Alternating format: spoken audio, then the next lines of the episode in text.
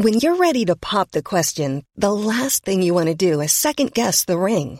At Bluenile.com, you can design a one of a kind ring with the ease and convenience of shopping online. Choose your diamond and setting. When you find the one, you'll get it delivered right to your door. Go to Bluenile.com and use promo code LISTEN to get $50 off your purchase of $500 or more. That's code LISTEN at Bluenile.com for $50 off your purchase. Bluenile.com code LISTEN. Ja, dus ik ging een tijd geleden naar de dokter en ik zei: Dokter, dokter, denk je dat ik in de overgang ben? Ze keek me even spottend aan, keek naar haar computerscherm, checkte mijn geboortedatum en zei: 1969. Wat denk je zelf? Nou, dat was dus het begin van een lange zoektocht. Want ik uh, had niet echt heel veel last van de overgang. Maar ik begon pijtjes te krijgen. Mijn buik begon uit de hand te lopen. Uh, ik begon te piekeren. Het ging helemaal niet zo lekker. En toen zei ze, ja, ik kan je hormonen geven. En dan uh, ja, is eigenlijk niet alles daarmee in één keer opgelost. Dat doen we eigenlijk het liefst bij echte klachten. Maar waar jij nu over loopt te klagen, een rommelig hoofd, uh, een beetje aankomen, krakende knieën. Dat heeft uh, toch alles te maken met niet zo heel gezond leven. Dus zo begon mijn zoektocht een jaar geleden naar uh, proberen gezonder te leven. Jullie hebben allemaal gevolgd dat ik minder wilde drinken. Nou, daar ben ik nu een heel eind mee opgeschoten. Uh, ik ben ook veel gezonder gaan eten. Ik ben meer gaan sporten. Ik ben allemaal nieuwe dingen gaan uitproberen het afgelopen jaar. En die wil ik dus, de hoogtepunten daarvan, wil ik heel graag met jullie delen. En dat doe ik dus in ons online retreat, Fitter en Blijer na je vijftigste. We gaan zeven dagen lang al die nieuwe dingen uitproberen die ik ook heb uitgeprobeerd. En uh, als het klaar is, kan je meenemen wat uh, goed bij jou past en vergeten wat niet goed bij jou past. Maar dan heb je allemaal nieuwe dingen, echt een mandje vol uh, tools en inzichten om ook te kijken hoe jij gezonder en fitter en blijer de overgang door kan. Dus doe je mee. We beginnen 24 mei. Uh, ik doe ook weer mee natuurlijk. We gaan met z'n allen bewegen, ademen, praten, koken, recepten. Uh, we hebben een hele leuke kerstboom voor jullie opgetuigd met allemaal leuke dingen. Ik beloof je dat het super leuk wordt.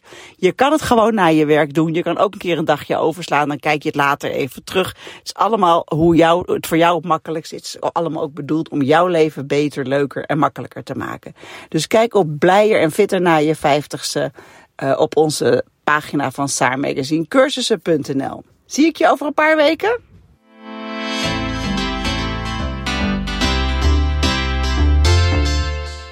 En dan nog één kleine huishoudelijke mededeling. Femke en ik zijn nog op vakantie. Uh, we hebben nu een speciale podcast voor jullie. Interview met Hiske Dibbits. Prachtig verhaal. Heel verdrietig ook. Uh, volgende week zijn we er weer op zaterdag 13 mei. En dan hebben we Bridget Maasland te gast. En dan gaan we weer als vanouds grappen en grollen maken. Veel luisterplezier zo.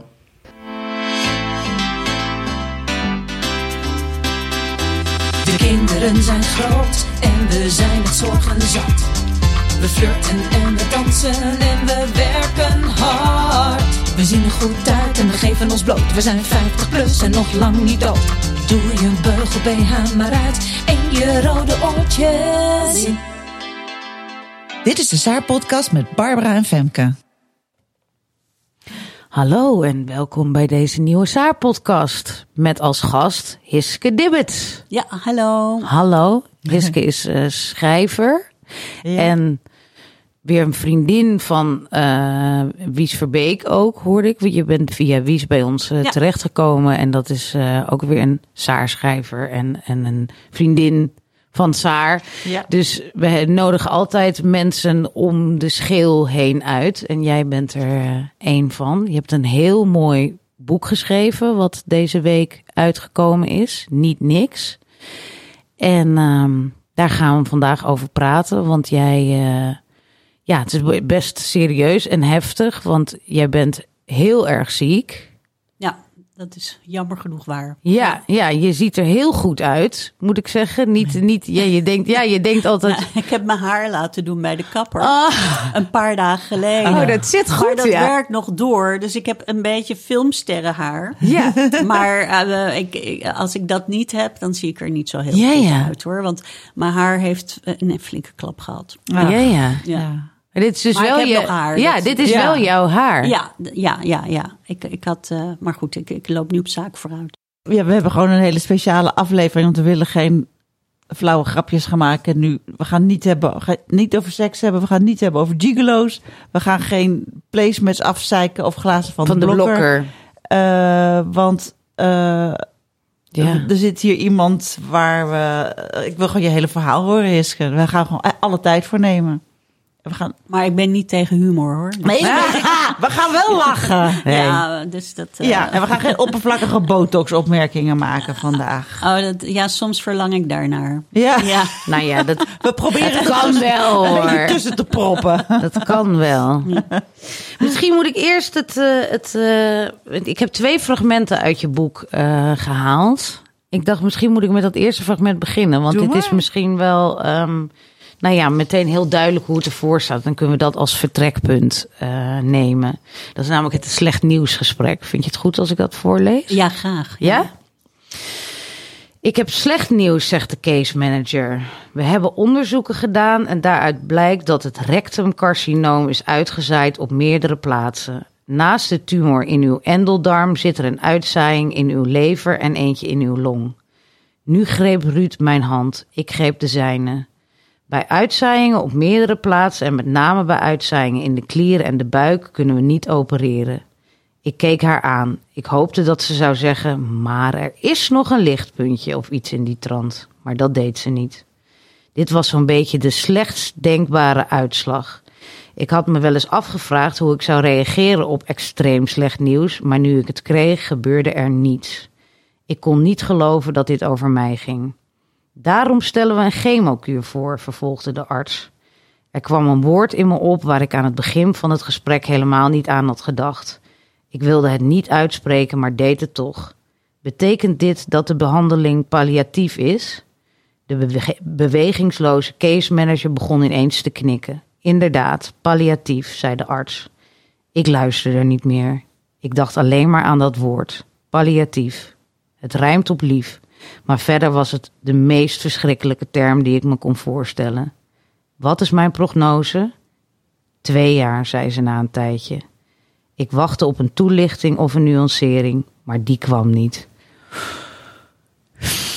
Ja, Ja, nou, heftig. we zijn begonnen. hè? Ja, ik, weet- het is heel raar, maar als jij dat voorleest, dan is het voor mij ook heel heftig. Ja? Ja? Om, omdat het mij betreft, dan ehm, is het alsof het weer eens een keer ehm, helemaal eventjes inzinkt. Ja, ja. Hoe ongelooflijk uitzichtloos de hele situatie is. Jezus. En ehm, je probeert er natuurlijk ook van weg te komen af en toe. Ja. En, en niemand kan de hele tijd maar leven met het besef dat hij ongeneeslijk ziek is. Want dat is wat ik te horen krijg Ja. in dat gesprek. En eh, dus je, je, hebt allerlei trucs om even een beetje afstand te nemen. En ehm, nou ja, juist in gesprekken met artsen of in gesprekken met journalisten vanwege dat boek nu, ehm, hoor ik mezelf soms dingen zeggen of krijg ik gewoon dingen te horen waarvan ik denk, ja, het is ook gewoon echt heel erg allemaal. Ja. Ja, je hersenen gaan daar misschien toch een beetje van weg in het dagelijks leven, omdat het bijna niet te verdragen is. Bedoel je dat? Nou, het is zo dat ik leef al, al 2,5 jaar met deze diagnose. Dus ik ben er ook een beetje aan gewend geraakt. En ik heb ook gewoon zo, je sust jezelf in slaap af en toe. En eh, met zo'n eh, fragment eh, word je weer even wakker geschud. Ja. Ja. Ja. Maar je, je beseft wel dat het over jou gaat, of voelt het ook alsof het over Eh, iemand nee, anders nee, gaat? nee, het, het, het gaat wel over mij. Maar ik heb wel heel vaak dat ik, hè, zoals in een gesprek nu, vragen over mijn situatie beantwoord. Waarin ik bijvoorbeeld dingen zeg over mijn levensverwachting of zo. En die zeg ik dan. Maar dan denk ik nog steeds ergens van. Ja, maar dat gaat niet over mij. Ja. Je wil er gewoon niet aan. Ja. Het is voor, dat, dat is mijn conclusie. Het is voor een mens zo moeilijk om een voorstelling te maken over zijn eigen sterfelijkheid of Ja. zijn eigen dood. Dat je dat ook eigenlijk helemaal niet kan. Ja, ja. Ook, ook al probeer je dat. En misschien is het ook maar beter ook zolang je nog leeft. Ja, je, je bent natuurlijk totaal geprogrammeerd op doorleven en overleven. En iedereen is altijd maar bezig met dat leven. Ja. Dus dat hele idee van dood, dat is, dat, je hebt het niet geleerd. Je praat er eigenlijk nooit over totdat je ermee te maken krijgt. Dus dat, dat, dat, dat bestaat bijna niet. Dus daar kan je ook heel moeilijke voorstelling van maken. Ja. En- En wat, wat, hoe is nu jouw voorstelling van de rest? De tijd die er nog rest? Wat er Ja, nou, dat, is heel moeilijk, want ik, ik zit nu tegen het uitbehandeld zijn aan. ja. Nou, er is voor, voor een kankerpatiënt eigenlijk niks ergers dan te horen te krijgen dat je uitbehandeld bent. Want je, je zit nu nog in een kuur. Ik zit nu nog in een kuur en dat is een soort van de laatste redmiddel voor patiënten ja. met darmkanker. ja. Nou, in, in, in die kuur eh, hebben ze nu ontdekt dat eh, mijn bloedwaardes niet goed zijn. Dat Ja. Ze kunnen de activiteit van eh, de- kanker meten. ja. En ehm, nou, bij mij is die zo sky high dat ik met spoed een scan heb gedaan dinsdag. En ik krijg morgen daar uitslag van. En een gesprek met de oncoloog. Ik ben heel bang dat ik dan te horen krijg, je bent uitbehandeld. En het, ik heb natuurlijk al in een eerder gesprek gevraagd van, ja, wat, wat, wat is dan nog mijn prognose? Omdat je al over je prognose heen bent. Ja, ik ben al over mijn prognose heen. eh, dat, nou ja, licht. Want de, de prognose was twee jaar en ik ben tweeënhalf jaar verder. ja. Maar ehm, nou, die, toen zei die oncoloog van ja, dat, het, het duurt nog ongeveer, kan gemiddeld, is heel moeilijk te zeggen, want het is voor iedereen anders, maar gemiddeld een half jaar tot een jaar. Maar het enge is, je weet niet hoe dat half jaar tot een jaar gaat Oh, verlopen. nee, nee. ja. Hè, dus ik bedoel, het is al eng genoeg om te weten. Nou goed, het, het is nu waarschijnlijk haal ik 2024 niet. Maar hoe de rest van mijn tijd eruit ziet, Ja. krijg ik misschien allerlei hele enge bijwerkingen. Of leef ik nog een behoorlijke lange tijd redelijk goed. Ja, totdat het heel voel. snel afloopt. Ja. Ja, dat het, en dat het dan daarna ineens aflopende zaak is binnen een paar weken. Ja. Dat weet je niet. Nee. En, en dus, dat, ja, weet je, ik, ik zeg wel eens.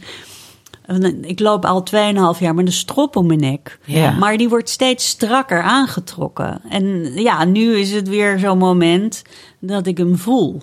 Maar heb je daarover nagedacht wat jij acceptabel vindt? Zeg maar zo van Ja, als het kijk, een en al eh, lijden is. of- Natuurlijk, kijk, ik, als, ik, ik ga daar niet eh, onnodig eh, en onuitzichtloos en ondraaglijk lijden aan, wat dagen en misschien wel weken duurt. ja. Alleen wat ik zelf wel heb gezien, is dat het heel moeilijk is. Kijk, ik kan nu wel zeggen van, eh, nou, dan kies ik om er zelf uit te stappen. Weet je, dan bel ik mijn huisarts en dan zeg ik, dan wil ik wel euthanasie.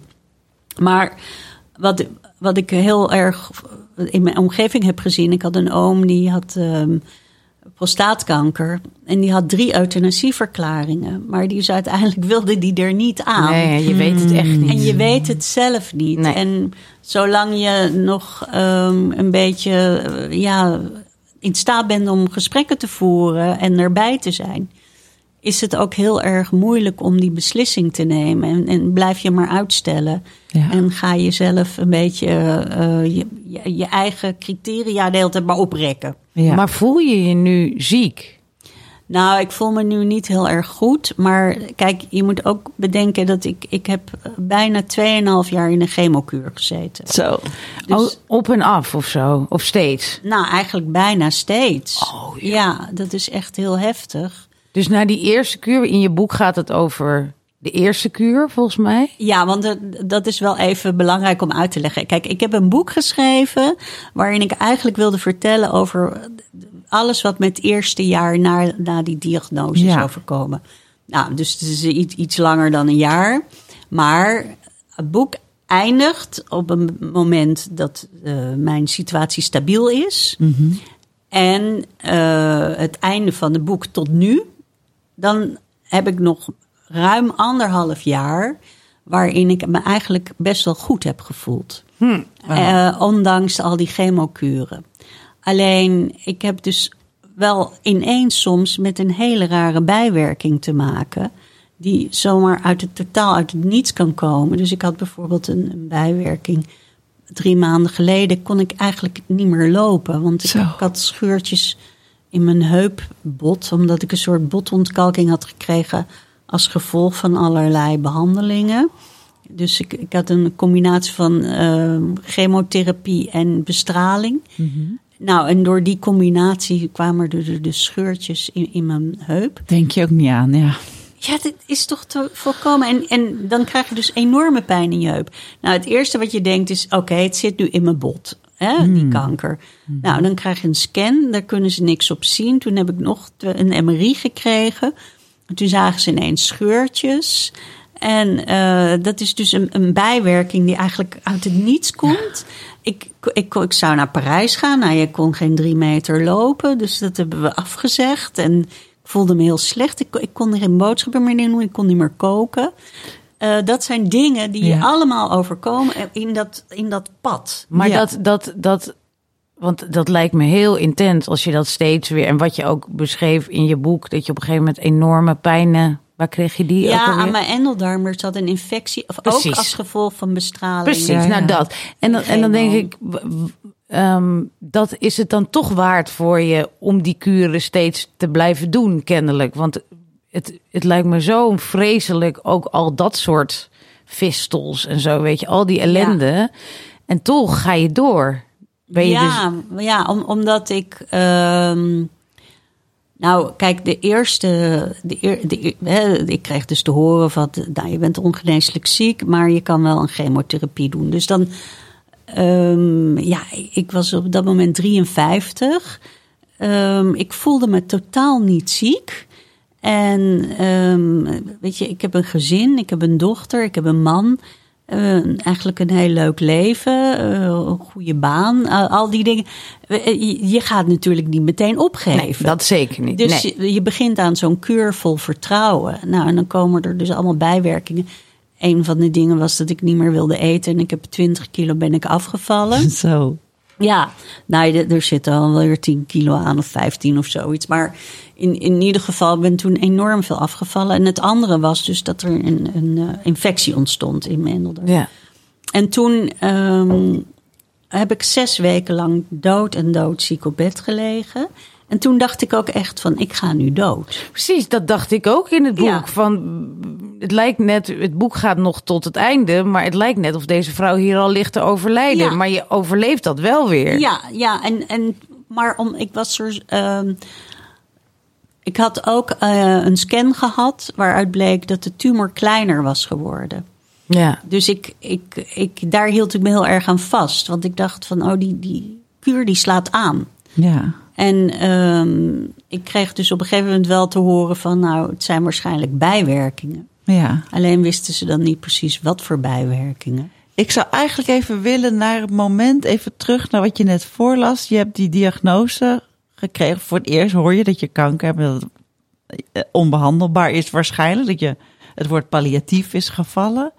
Hoe, hoe ziet zo'n week daarna eruit? Wat, wat, wat, wat doe je daarna? Nou, je loopt echt totaal verslagen rond. eh, Hè? Ja, bedoel, je gaat met je man, je loopt die kamer uit en dan...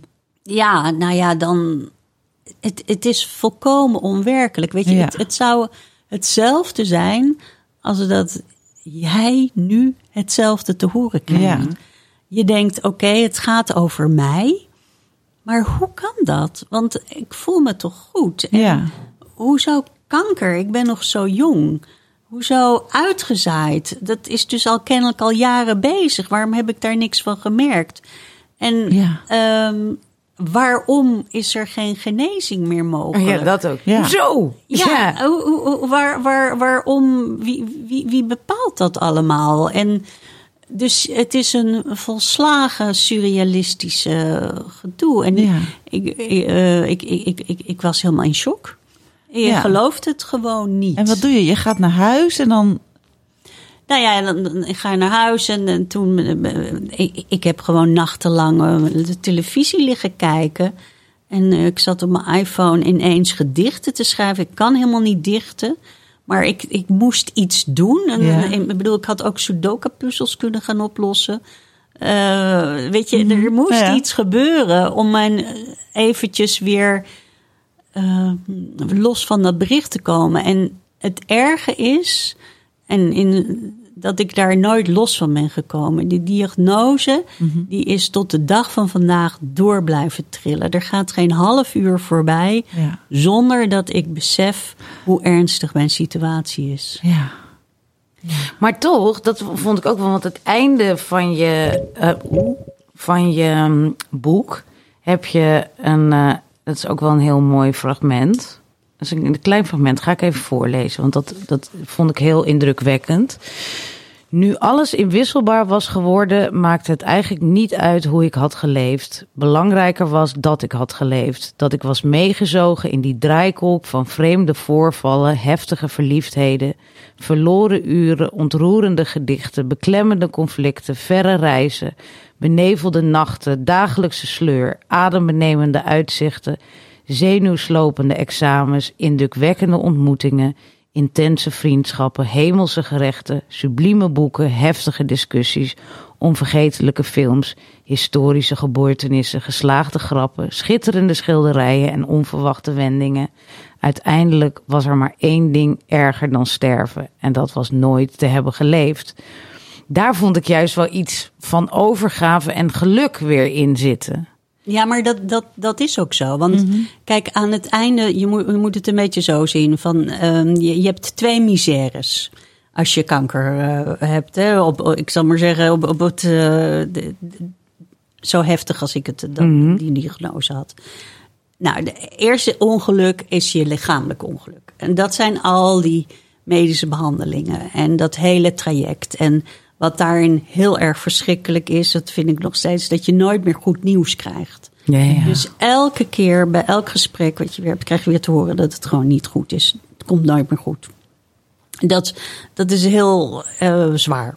Maar het- dan heb je nog een tweede traject. En dat is je mentale traject. Ja. Hoe ga je ermee om? Hoe gaat je omgeving ermee om? Kan je er toch nog op een of andere manier het beste van maken? Nou, en, en dat traject is dat, dat, dat eerste half jaar was heel erg een traject van ziekenhuizen en chemokuren. En daar doodziek van worden. En mijn help wat overkomt mij allemaal hier op medisch gebied.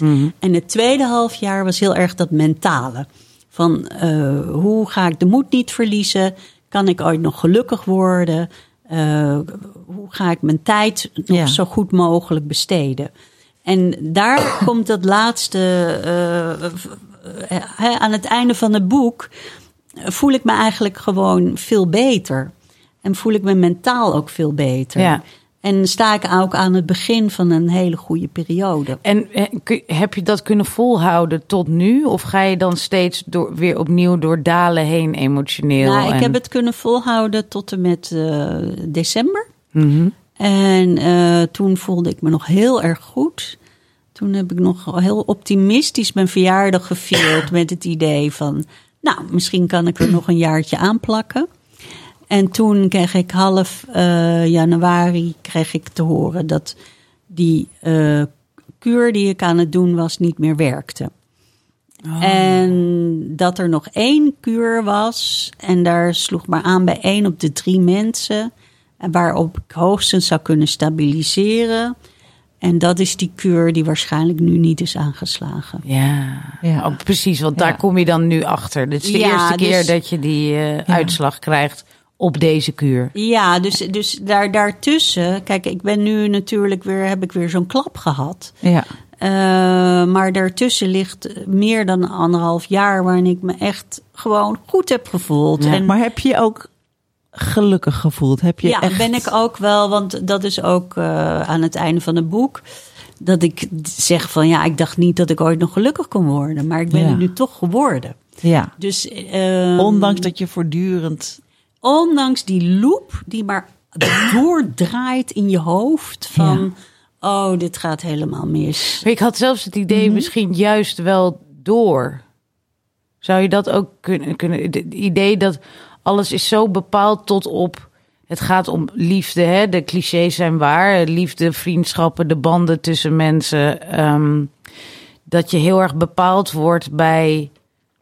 Dit is het geluk. Met een vriendin praten, in een zwembad zijn, zeg maar. Dat, dat ik het idee had dat je misschien juist daardoor eh, het geluk eruit kon trekken, meer dan wij die nog in het hele stressige leven staan. Ervaar je dat zo of juist helemaal niet? Eh, ja, ik denk het wel. Ik, ik, ik denk ook, ehm, wat ik schrijf is dat, dat, dat mijn gevoel is uitgesleten door verdriet.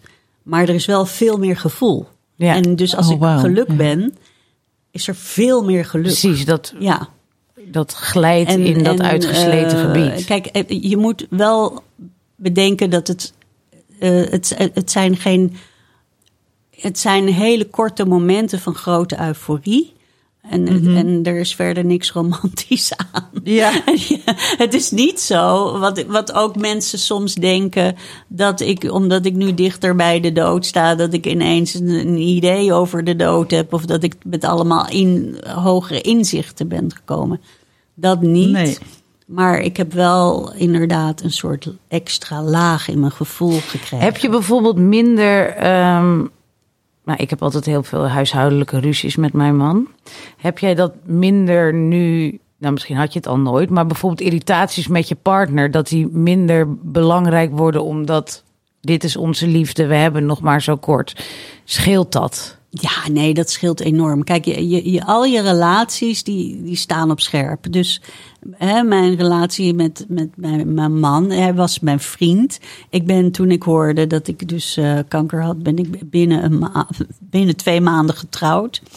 Ehm, die, is, ja, die is enorm veranderd. En ehm, weet je, hij, hij eh, kon nog wel eens ver- boos worden over. Ja, we hadden altijd wel iets van. Hij wordt altijd heel erg boos over vlekken op de muur. Dus, eh, en dan zegt hij altijd: Hoe kan dat nou? En Weer een vlek? Ja, weer een vlek. En dan zeg ik: Ja, nee, maar ik bedoel, God, we, we leven hier. En mensen leggen hun hun hand wel eens op de muur. Nou, het- je van die vingers op de muur, Ja. ja, daar zit mijn muur ook vol mee. Ja, heel ja, irritant. Ja, en dat ging hij dan al meteen met, doekjes. een- met het doekje eraf Oh, halen. echt? Ja. Hilarisch. Ja, en eh, terwijl die verder is hij helemaal niet zo netjes of zo. Maar toen gebeurde dus dat ik op een gegeven moment door de gang liep met een enorme pan courgettesoep. En dat ik struikelde. En dat die hele pan tegen de muur vloog. Dus er kwam een megavlek. en die was ook nog knalgroen. En eh, het zag eruit als een soort, ja, een soort mo- monster. Ja, precies. En eh, toen zei hij, wat, wat is er aan de hand? Zo uit de woonkamer. En ik zo, ah, niets. Want ik dacht, ja, dit, dit wordt... ontploft. Ja, dit, dit wordt de grootste ruzie die we ooit hebben gehad. En toen, toen kwam hij uit de woonkamer en toen zei hij... Oh, maar dat is maar een vlekje. Oh. En toen zei hij, ja, maar dat, dat, dat haal ik er nu wel even af. En ik zo van, ja, ja, en ik kon er niks aan doen. En ik struikelde en ik, ik was bang dat je boos zou worden. Want ik, ik was helemaal in die modus van, oh, de vlek. En toen zei hij, ja, maar ik, ik, ik, ik, ga hier nooit meer boos over worden, over dit soort dingen. Ja. Ja. Wauw. Ja, en, en, en eh, we hebben dus tot, tot en met nu volgehouden om bijna geen ruzie te maken. Oh. Heel af en toe, dan steekt ineens een soort oud gevoel de kop op. En dan eh, hebben we zo'n zo'n huis, tuin en keukenruzie, weet je wel, Ja. die iedereen altijd heeft. En dat zal misschien ook wel weer iets opluchtends hebben, of niet? Dat, je, dat, je, dat er ergens ook nog iets normaal is gebleven. Als je een gewoon ruzietje hebt. Ja, en dat is sowieso in mijn eigen gezin zit ik in de oog van de storm, zal ik maar zeggen. Want iedereen kijkt daarnaar van, oh, wat heftig. En oh, die gaat dood. Ja. En Oh, en, oh, zielig. dit, Ja, ja, precies. precies. Iedereen die, die, die, die hel- helpt mee, Ja. weet Ja. je. Wat ontzettend lief is Ja. trouwens. Heel veel bosse bloemen las ik. Ging maar door. Ja, ik krijg soms drie op een dag. maar ja, dat is ook alweer 2,5 jaar Precies. hoor. Dat houdt ook weer op één bos bloemen en klaar. Ik sta weer open voor bloemen. Maar, maar in ieder geval, maar ik had echt niet genoeg fase op een gegeven moment. Ja, dat mensen niet een beetje kunnen doseren. Ja, jammer. Heel Nee, jammer. Maar weet je, Oog van de storm, ja? van de storm was mijn gezin, waarin eigenlijk alles een beetje bleef zoals het was. Ehm, wij konden met z'n drieën, of kunnen met z'n drieën, nog steeds heel erg lachen. We kunnen ook harde grappen maken. Eh, mijn dochter die roept af en toe kanker of zo, weet je. Ja, dat, dat kan gewoon. En Ehm, dat voelt normaal. En dan gaan we naar, naar eh, televisie kijken en dan wordt allemaal geroepen: Jezus, wat is het weer slecht. En oh, nou, dit journaal, dat zit ook op een glijdende schaal. En eh, wat een slechte reportage. Weet je, dat, dan hebben we gewoon de normale eh, Ja. dingen die je met een gezin doet. Ja. Eh, of we gaan een leuke wandeling maken met z'n drie of zo. Maar zijn er wel eens momenten dat je echt denkt, ik kan dit mentaal gewoon echt niet meer aan. Het idee dat ik weg, dat ik, dat ik hieruit weg moet. Dat mijn dochter misschien kinderen krijgt, dat ik haar toekomst niet weet. Dat, zijn er momenten dat je het gewoon niet meer, denkt dat je het niet meer aan kan? Nee, die momenten heb ik niet gehad. Nee? Wel momenten dat je gewoon denkt van... nou, ik wil eigenlijk gewoon in mijn bed blijven liggen Ja. totdat ik dood ben. Ja, dat snap ik ook weer. Gewoon leggen. Gewoon liggen en mijn deken over Ja, tot het klaar is. En dan, ja, want dit is gewoon zo groot en zo onmetelijk en zo afschuwelijk. Weet je, ik wil dit gewoon niet. Ja. Ja. Heb je hulp gezocht mentaal? Heb je met iemand gepraat? Nee, ik heb geen hulp gezocht. Maar ik, de- ik, ik dacht ook de hele tijd van... Oké, als ik hulp ga zoeken, wat, wat, wat kan die hulp mij dan brengen? Weet je, want het gaat toch slecht aflopen. Dus Ja. iemand kan wel gaan zeggen van... eh, oh, je moet nu even voor jezelf kiezen... en je moet je grenzen aan gaan geven... Hè, en je moet dit en je moet dat. Maar dat uiteindelijk... die hobbel naar de dood... daar Ja. kan niemand mij Nee. overheen helpen. Nou, Nee, ja, dat maar is waar. Ik heb ook het idee dat je, dat je het best goed doet zelf. Ik denk dat jij hebt er misschien niet zoveel baat bij. Maar wat je ook zegt, ehm, dat je nog nooit hebt gedacht van ik kan dit helemaal niet aan. Je, je, je draagt het dus op een manier, als ik dat boek ook lees. Ja, je bent je eigen psycholoog, zeg maar. Hoe je reflecteert op het leven, waar je allemaal langs gaat. Je, je maakt allerlei processen door Ja. met jezelf, die volgens mij ook wel helpend zijn, zeg maar. Hoe je die band met je vader ook beschrijft en zo. Dat is. Misschien kan je daar nog wat over vertellen. Dat is best een interessante verhaallijn. Want je had ja, een, eigenlijk een crisis met je vader voordat eh, je ziek werd. En ik begreep niet helemaal, aan het eind van het boek ging het me best snel. Toen leek het toch wel weer goed te zijn gekomen. Kun je daar iets over vertellen? Ja, nou, kijk, ik, ik had een soort conflict met mijn vader, maar er was heel moeilijk mijn vinger op te leggen. Want eigenlijk Het was heel onduidelijk. heel onduidelijk. En, maar het was vooral voor mijzelf heel onduidelijk. Dus toen ik dat eenmaal ehm, op ging schrijven, dat hele verhaal. Toen zat aan het begin nog dat einde van dat conflict met mijn vader. En dat is op een of andere manier verknoopt geraakt. En ik dacht van ja, ik kan er moeilijk over dat conflict met mijn vader gaan schrijven, want dat is gewoon heel onaardig. En dat is zielig ook voor hem. En, ehm, en, en we hadden ook al. Ik, ik, bij de tweede of de derde keer dat hij bij mij op bezoek kwam, zei ik van eh, ja, we moeten er nu mee stoppen met die problemen, want ik kan het niet aan. En toen zei hij ja, ja, ja, nou eh, nee, dat is goed. En, en het raar was, toen was het meteen weer goed. Maar echt als vanouds. We konden meteen weer samen lachen en het was meteen weer een hele goede sfeer. En, Goed van je, ehm, ja. ja, maar ook zo raadselachtig. Wat was er dan al die jaren Aan de hand, mis? ja. En daar probeer ik dus in het boek een beetje op terug te kijken. Ik heb geprobeerd om het niet helemaal. Kijk, dat moest niet het verhaal eh, van mijn ziekte gaan overschaduwen. Mhm. Het is daar gewoon een onderdeel van. Dus ik heb het niet zo enorm uitgebreid gedaan. En ik begon dat op te schrijven en toen ging ik het schrappen. Want ik dacht, nou, dit, dit, dit ga ik Dit niet hoeft doen. er niet in. Dit nee, hoeft er niet in. En, en dan straks dan, zit ik ergens en dan gaat iedereen alleen maar over mijn vader vragen. En ehm, ja, weet je, dat, dat, waarom doe ik dat? Dus ik haal het eruit. En even later zat het er weer in. Dus toen heb ik het daar weer uitgehaald. Het bleef maar als een soort van onkruid, bleef Ja. het maar opkomen. Ik moest het daarover schrijven. Ja, het is toch, het is niet het hoofdthema, maar het is wel een motief in het boek. Ja, ja. en ik, ik denk ook dat. Kijk, een van de motieven is uitsluiting. eh, denk ik zelf. En daar speelde dit wel een hele belangrijke rol bij. Want ehm, hij, ja, hij, hij, wil, hij hield het contact met mij af. Ja. En dan En- kon je niet goed de vinger achter krijgen nee, wat dat maar nou ik was, was. Al, al, al over de 45. En dan gaat je vader ineens het contact met jou afhouden. Ja. Weet je, dat is heel raar en heel verdrietig. en eerst dacht ik van, eh, nou, er zal wel, eh, wel, hij heeft het gewoon heel druk. En dat zei hij ook, ja, ik heb het zo druk. Ja, hij kon niet met je naar het museum, hij had het te druk. ja, en Ja. ik kon ook niet met hem uit eten. En hij kwam nooit meer langs om koffie te drinken en zo. En toen na een jaar of twee dacht ik van ja, nu, nu duurt dat druk zijn toch wel heel erg lang. En toen begon ik echt gewoon een beetje gericht te vragen. Van, kan je een keertje komen eten en zo? Nee, nee, daar had hij allemaal geen tijd voor. En eh, toen uiteindelijk gingen we dan toch een keer uit eten. En toen heb ik hem om hulp gevraagd om een huis te kopen. En toen eh, merkte ik dat hij er heel veel weerstand voor had. En toen werd hij er boos over.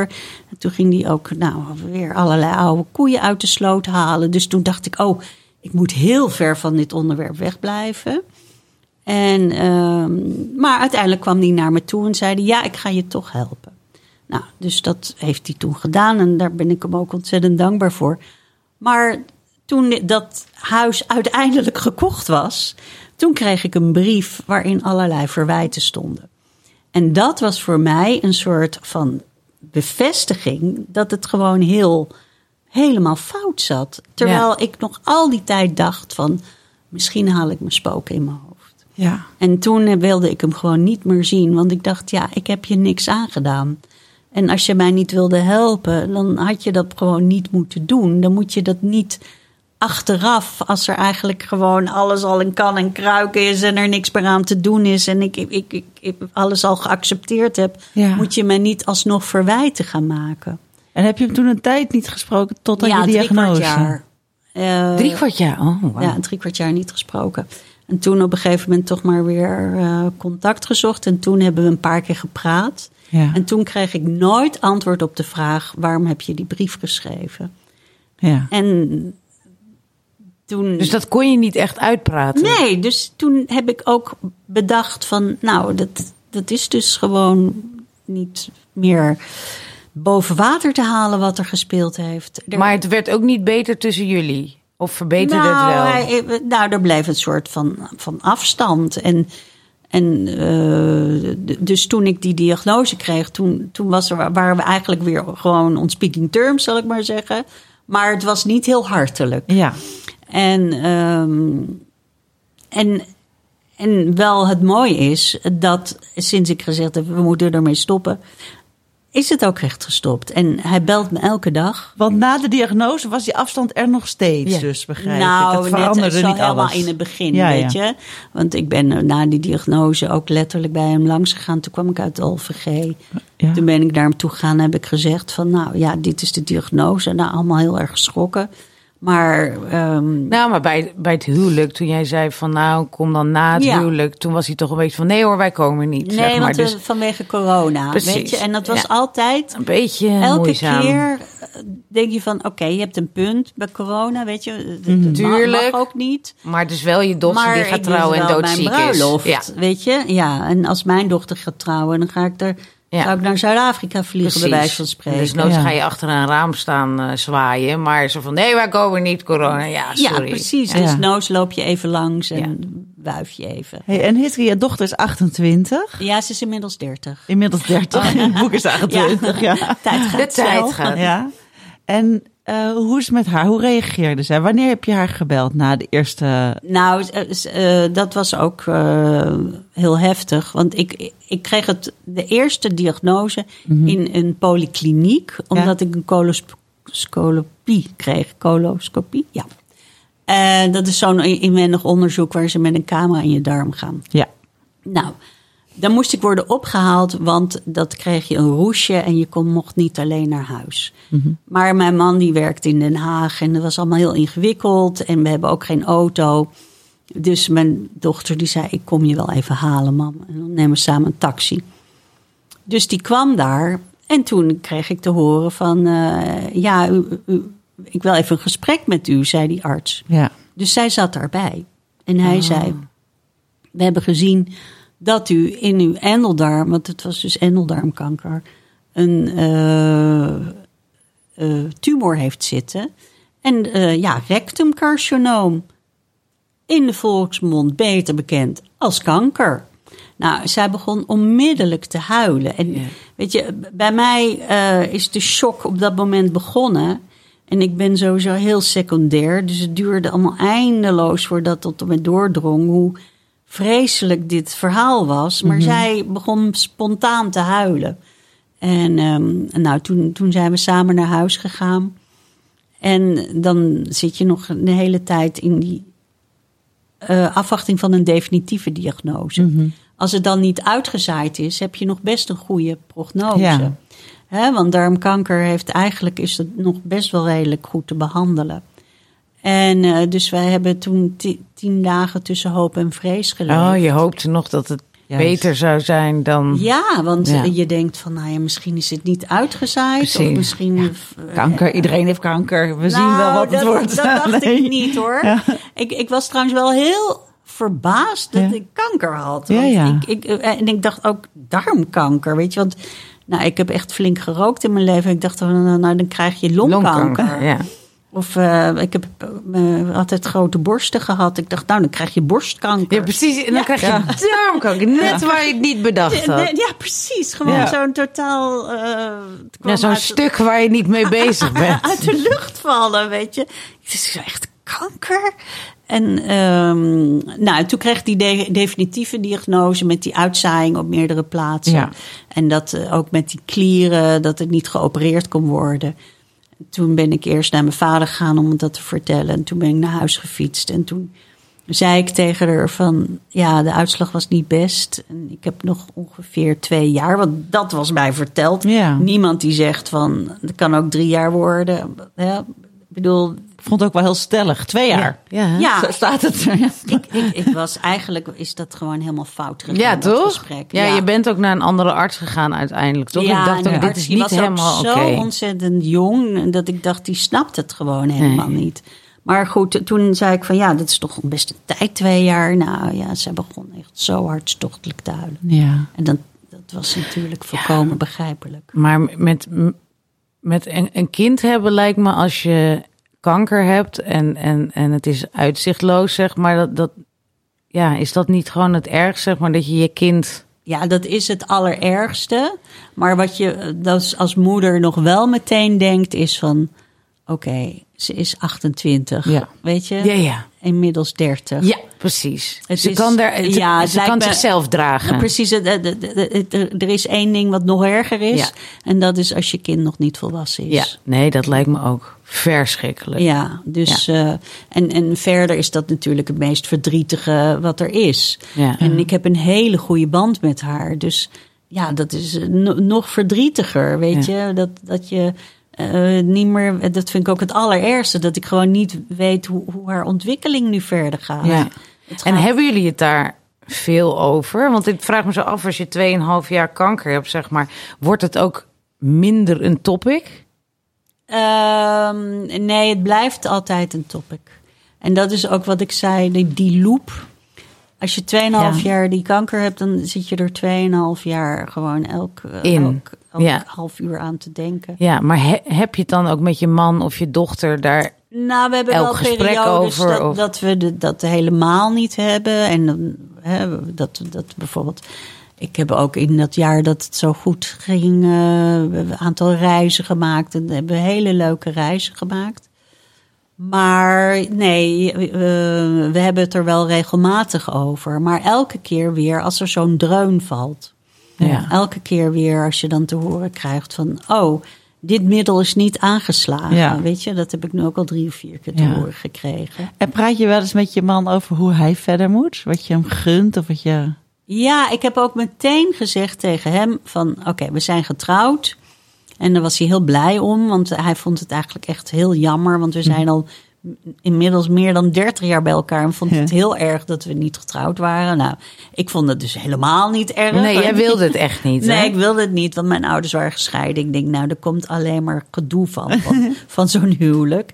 Maar hij wilde het wel heel graag. En ehm, hij was ook zo blij dat we gingen trouwen. Wat leuk. Dat ik echt dacht van, oh, ik heb hem iets onthouden. Echt iets onder Ach, en hij heeft zich altijd ingehouden. En Ja. ineens van die yes! En ik vond het echt zielig, weet je. En, eh, maar goed, toen, toen ehm, Wacht even, nu ben ik weer even Hey, heb je afspraak? Heb je met je man Oh, over ja, ja, toen, hoe hij dus moet? toen zei ik, want toen, toen was ik naar de notaris geweest en toen kwam ik terug en toen hebben we daar even over gehad, over al die huwelijksvoorwaarden en over dat huwelijk en zo. En toen zei ik van, ja, ik wil wel even zeggen dat als jij na mijn dood een relatie krijgt, dat ik dat alleen maar goed vind. Dus Ja, ik bedoel, toejuichen is een Ja. beetje onzin, maar eh, dat, daar moet je je nooit schuldig over voelen. Jij moet doorleven. En toen, toen zei hij, nee, nee, nee, dat krijg ik niet. En hij, ben, daar wil ik absoluut niks van weten. Nee hoor, ik ga gewoon alleen verder. En eh, elke keer als we het daarover hebben, dan roept hij, ik ga alleen verder. En daar maak ik me dan zorgen over. Want dan denk ik, ja, dan zit hij alleen in dat huis, wat nog best wel groot is voor één iemand. En dan ehm, wordt dat natuurlijk nooit meer gezellig daar. Eh, hij gaat nooit meer bloemen neerzetten. Nee, oh hij nee. gaat nooit meer mensen uitnodigen. om Maar de vlekken van de muur haalt hij wel. Maar er zijn geen vlekken op de muur. Dus. weet Ja, je, wordt, wordt het dan een beetje een kluisenaar, zoals veel mannen, hè? ja, dat heb ik ook tegen hem gezegd. Van dat wil ik niet. Je moet sociaal blijven. Na mijn dood moet je mensen blijven uitnodigen. Je moet leuke dingen blijven doen. Je moet afspraken maken met vrienden. Je moet. En dan zegt hij van ja, ja, nou ja. En dan tegelijkertijd heb ik zelf nu bedacht. Ik kan niet over mijn eigen dood heen regeren. Nee, Ik- dat moet je dan ook maar loslaten, Ja, dat, ja. dat heb ik wel losgelaten. Ja. ja. Maar je krijgt geen woedeaanval als je eraan denkt dat hij met een andere vrouw zou zijn. Ik kan me voorstellen Nee. dat ik, ik echt zo denk, wat voor? dat heb je niet. Nee, het is natuurlijk het is geen leuk idee. Maar ergens hoop ik dat hij wel weer gelukkig wordt. En als dat de manier is, ja. Hè? Ja, En nee, dat is Dat ook zo. hoop ik ook voor mijn dochter. Ja. Ik Zijn hoop- er dingen die jullie nog tegen elkaar hadden moeten, moesten zeggen? Dat je, dat je, die je nu zegt? Of zijn, ben je dingen aan het oplossen met elkaar? Met, met je man, met je Nee, dochter, want met- eigenlijk hebben we een hele goede relatie. Mhm. Ehm, de, de dingen die gezegd moeten zijn, eh, namelijk dat ik ontzettend veel van ze hou, zijn al duizend keer gezegd. Ja. En ehm, wat ik wil eh, voor als ik dood ben, dat zij weer gelukkig worden, heb ik ook al duizend keer gezegd. En ik, ik weet eigenlijk, weet je, ik bedoel, en dat, dan houdt ook je invloed een beetje op. Ja. Wat ik zeg van, ik wil niet over mijn eigen graf heen gaan eh, kijken. Dat is voor hun. Ja, Zij tuurlijk, moeten ja. verder. Ja. Ben, je, ben je al echt bezig met dat einde, hoe dat eruit moet zien? Ook, eh, Nou, je bedoelt mijn begrafenis Ja. en al dat soort dingen. Nee, daar ben ik niet echt mee bezig. en ga je dat doen of heb je zoiets, nou dat laat ik aan de mensen na mij? Nou, ik, ik denk dat ik er wel wat dingetjes opschrijf van wat muziek of zo. Maar ik, ik, eh, ik heb, mijn moeder die had een vriendin en die kreeg borstkanker. Dat is al 35 jaar geleden of zo. En die had haar eigen begrafenis tot in de puntjes geregisseerd. En die duurde twee uur lang. En er waren 18 muziekstukken en 20 sprekers. En toen dacht ik, dat moet je dus nooit doen.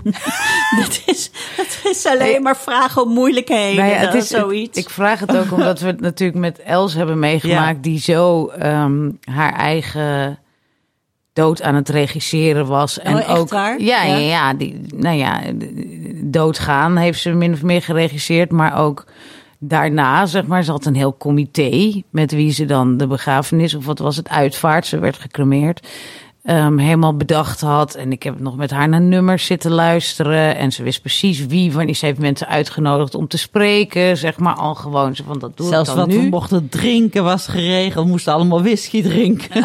Precies. Dus, dus en, daar- ik- en ze zag het. Nou ja, dat was, het is, Els was een apart mens. Geweldig mens, maar wel een aparte. Ik bedoel, ze, zei, ik verheug me hierop. Het is het enige feestje waar ik dan niet bij ben. Maar, maar daar heb ik ook geen stress van. Weet je, ze, kon echt, ze zag het echt als een soort viering ergens. En ze, Ja. ze haalde daar wat uit om daarmee bezig te zijn. Maar dat heb jij dus minder.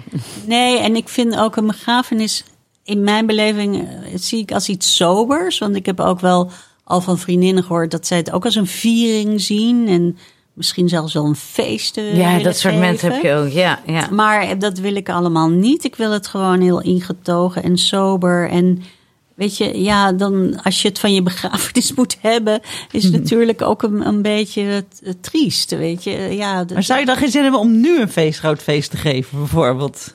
Ja, nee, maar dat, dat kijk, ik, ik heb al heel veel dingen gedaan Ja. die ik nog wilde doen. En, eh, dus, Zoals wat? Wat waren de belangrijke dingen? nou ja, dat, dat trouwen Ja. was natuurlijk iets wat ik heb gedaan. En eh, ik wilde nog heel graag een boek schrijven. Ja. Nou, dat heb ik, die, die vink heb ik Ja, ook. wat goed. Ja. Ja, ik wilde nog een paar reizen maken. Ik wilde bijvoorbeeld, ik had in mijn, in mijn jeugd een heel mooi jaar in Rome gewoond. Kijk. En ik wilde nog een keer naar Rome terug. Ja. Nou, dat heb ik vorig jaar gedaan. Met je man en dochter? Ja, Ja. we zijn we een week lang hebben we daar in de stad rondgelopen. Was ontzettend leuk. En ehm, weet je, een, een, een feest geeft mij inderdaad heel weinig voldoening. Geeft Ja, ja, mij eigenlijk alleen maar heel veel stress. En Ja, heb je, heb je je zeker niet doen. eh, bijvoorbeeld nu met die boekpresentatie Ja. ook. Hè, het boek komt dan 3 mei uit. Dan eh, wil ik eigenlijk ge- geen presentatie. Want dat is te emotioneel voor mij. Ik ben, ik ben ook zo bang dat, dat het heel beladen gaat worden. En, Ja. en dat is met een feest natuurlijk ook. Ja, dat is waar.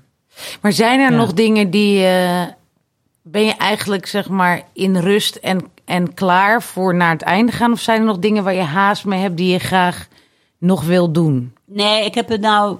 Kijk, dat schrijven geeft me heel veel voldoening. Dus ik, ik heb nu is dat boek natuurlijk klaar. Dus mijn, mijn hele dagbesteding is eh, in elkaar Naar de Filistijnen. gezakt. Boek 2, jaar 2. Nou, dat was wel grappig. Mijn dochter zei: je moet een trilogie schrijven, want dan heb je drie keer niks, omdat het niet niks heet. Ja. nou, dat vond ik ook wel heel grappig. grappig. Maar ehm, nee, ik, ik heb lag in mijn kast nog een heel klein projectje wat ik nog af kan maken. Ja, ja, En daar ja. ben ik oh, ja. mee bezig. Precies, want dat zei je, dat je veel onaffe verhalen had. Eh, Ja, ja, ja, ja, precies. Je had er ook wel een paar weggegooid volgens mij bij de verhuizing. Ja, maar in computers blijft alles bewaard. Ja. Ja, dus, Nou, wat mooi. Ja.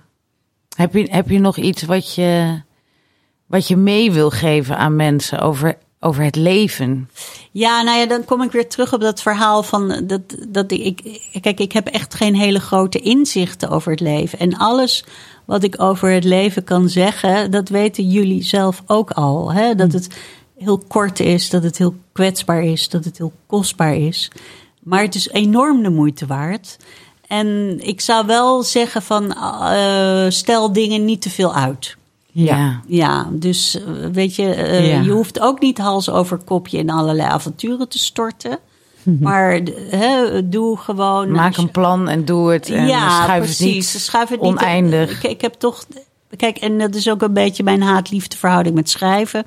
Ik heb drie boeken geschreven en toen dacht ik, ja, dit levert dus helemaal niks op. Dus ik ga nu een gewone baan nemen en dat heb ik toen gedaan. Ehm, wat mij heel veel voldoening heeft gegeven. Maar de dag dat ik hoorde dat ik ziek was, dacht ik. Hoezo heb ik maar drie boeken geschreven? Nu laat ik ook nog maar niks na, weet je? Dus, ehm, en bijvoorbeeld dat vooruitschuiven, daar had ik misschien wat minder laks in moeten zijn. Daar Maar- heb je, de- want als we het dan hebben over, heb je van dingen spijt? Is, heb je daar dan spijt van? Nou, het raar is dat ik er ook niet zoveel spijt van heb. Want ik was erbij eh, toen het gebeurde.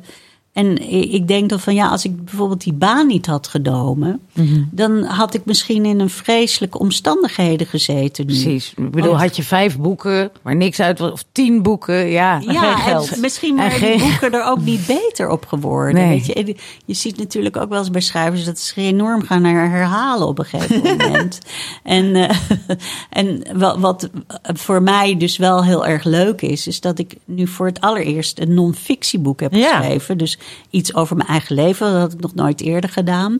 En dat mij dat enorm goed is bevallen. En dat dat ook gewoon heel erg leuk is dat je op de valreep nog zo'n ontdekking kan doen. Ja. Ja. ja. Dat is dan toch wat, wat het brengt of zo, wat bizar is. Want ik bedoel, Je, je schrijft denkt, nog even mooi en vlot als vroeger. Ja, nou ja, dat, dat was voor mij zelf ook wel een goede ontdekking. Ja. Maar ik had 15 jaar niet geschreven. Maar ik, ik, ik heb me tijdens het schrijven van het boek gewoon heel goed gevoeld. Weet je, Ja, ja, Ik ja. ben gewoon. eh, en je neemt het heft misschien weer een beetje in eigen hand. nou, dat is het helemaal. Je krijgt. Wauw, kijk, die, die, die ziekte die overkomt je. Ja, En dan kan je door het opschrijven weer een soort controle krijgen. ja. en dat het, is- er zit ook een soort begin en een einde aan. En het is een narratief. En daar voel, ja, ik voel ook inderdaad zo van, er zit, het is in woorden gevangen. Dus het is, je hebt enige controle. Tenminste, Ja, of in ieder geval het idee van controle. Wat ik zelf heel fijn vond, was dat ik dan allerlei vreselijke gesprekken die ik gevoerd had met mijn artsen gewoon kon schrappen. Ja, dat vond ik ook wel grappig. Dat je dat hup eruit, hup eruit. Dat was wel heel mooi. Want het, was, het werd op een gegeven moment een verhaal in het verhaal ook. Dat je, dat je begint met hoe je begonnen bent en wat je allemaal schrapt en zo. Dus dat je, ze vertelt dan op een gegeven moment ook waar ze begonnen is met het boek. En ehm, de dingen die ze eruit wil halen en wat het je oplevert. Ik vind dat wel heel mooi, eh, mooie vorm. Ja, Want het is inderdaad wat je zegt, het is niet alleen maar een boek over die ziekte, maar het is ja, over veel meer, over je hele leven en je perspectief. En eh, ja, ik vond het echt eh, heel mooi gedaan, heel goed opgeschreven. Niet hysterisch Nou, of dramatisch. Leuk, Ja. Want ik, ik, ik heb nog niet zoveel mensen gehoord over het boek. Want het is natuurlijk nog Ja. niet in de Nee, wereld. nee, ik vond echt. eh, ik heb, ja, Heel ik heb geschreven. heel erg snel eh, gelezen, omdat het. Ja, het was ergens makkelijk, maar ook. Ja, je neemt er echt wat aan mee. En ik bedoel, het komt ook, ook door Els, zeg maar, dat ik dit soort dingen. Ja, je, ik wilde altijd weer wat van leren. En, en, en dat je. Je krijgt een enorme brok in je keel. Maar ik vond toch ook dat einde wat ik net voorlas heel mooi, omdat je ziet ja, hoe je geluk ook weer even kan omarmen of zo. Wat soms ook, wat gewoon voor iedereen lastig is, die momenten te grijpen. Nee, ik vond het echt prachtig. Eh, ik denk, ja, lezen, niet niks heet het, hè? Ja. Ja, het heet niet niks. Ja, Drie keer niks. Oh nee. die Twee keer niks vind ik ook mooi, nummer twee. Gewoon twee keer niks. Ja. Zeker niks, ja. Ja. Mooi. Nou, Dank je wel dat je hier wilde zijn. En ehm, nou, ren naar de boekhandel en op bol.com, neem ik aan, is hij eh, te vinden. Ja, altijd Tuurlijk. op bol.com, Ja, ja, toch? altijd. Maar je Altijd. moet de lokale boekhandel Lokale steunen. boekhandel, Oh ja, oh tuurlijk, tuurlijk, inderdaad. nou, Daar en ga je jongens, volgende naartoe. week hebben we weer een reguliere Saar-podcast. Dan zijn we weer helemaal Dan terug. zijn we er weer met al onze grappen en grollen. En dan komen de vakantieverhalen nog wel een keer. Yes. Tot dan. Doei. Dag.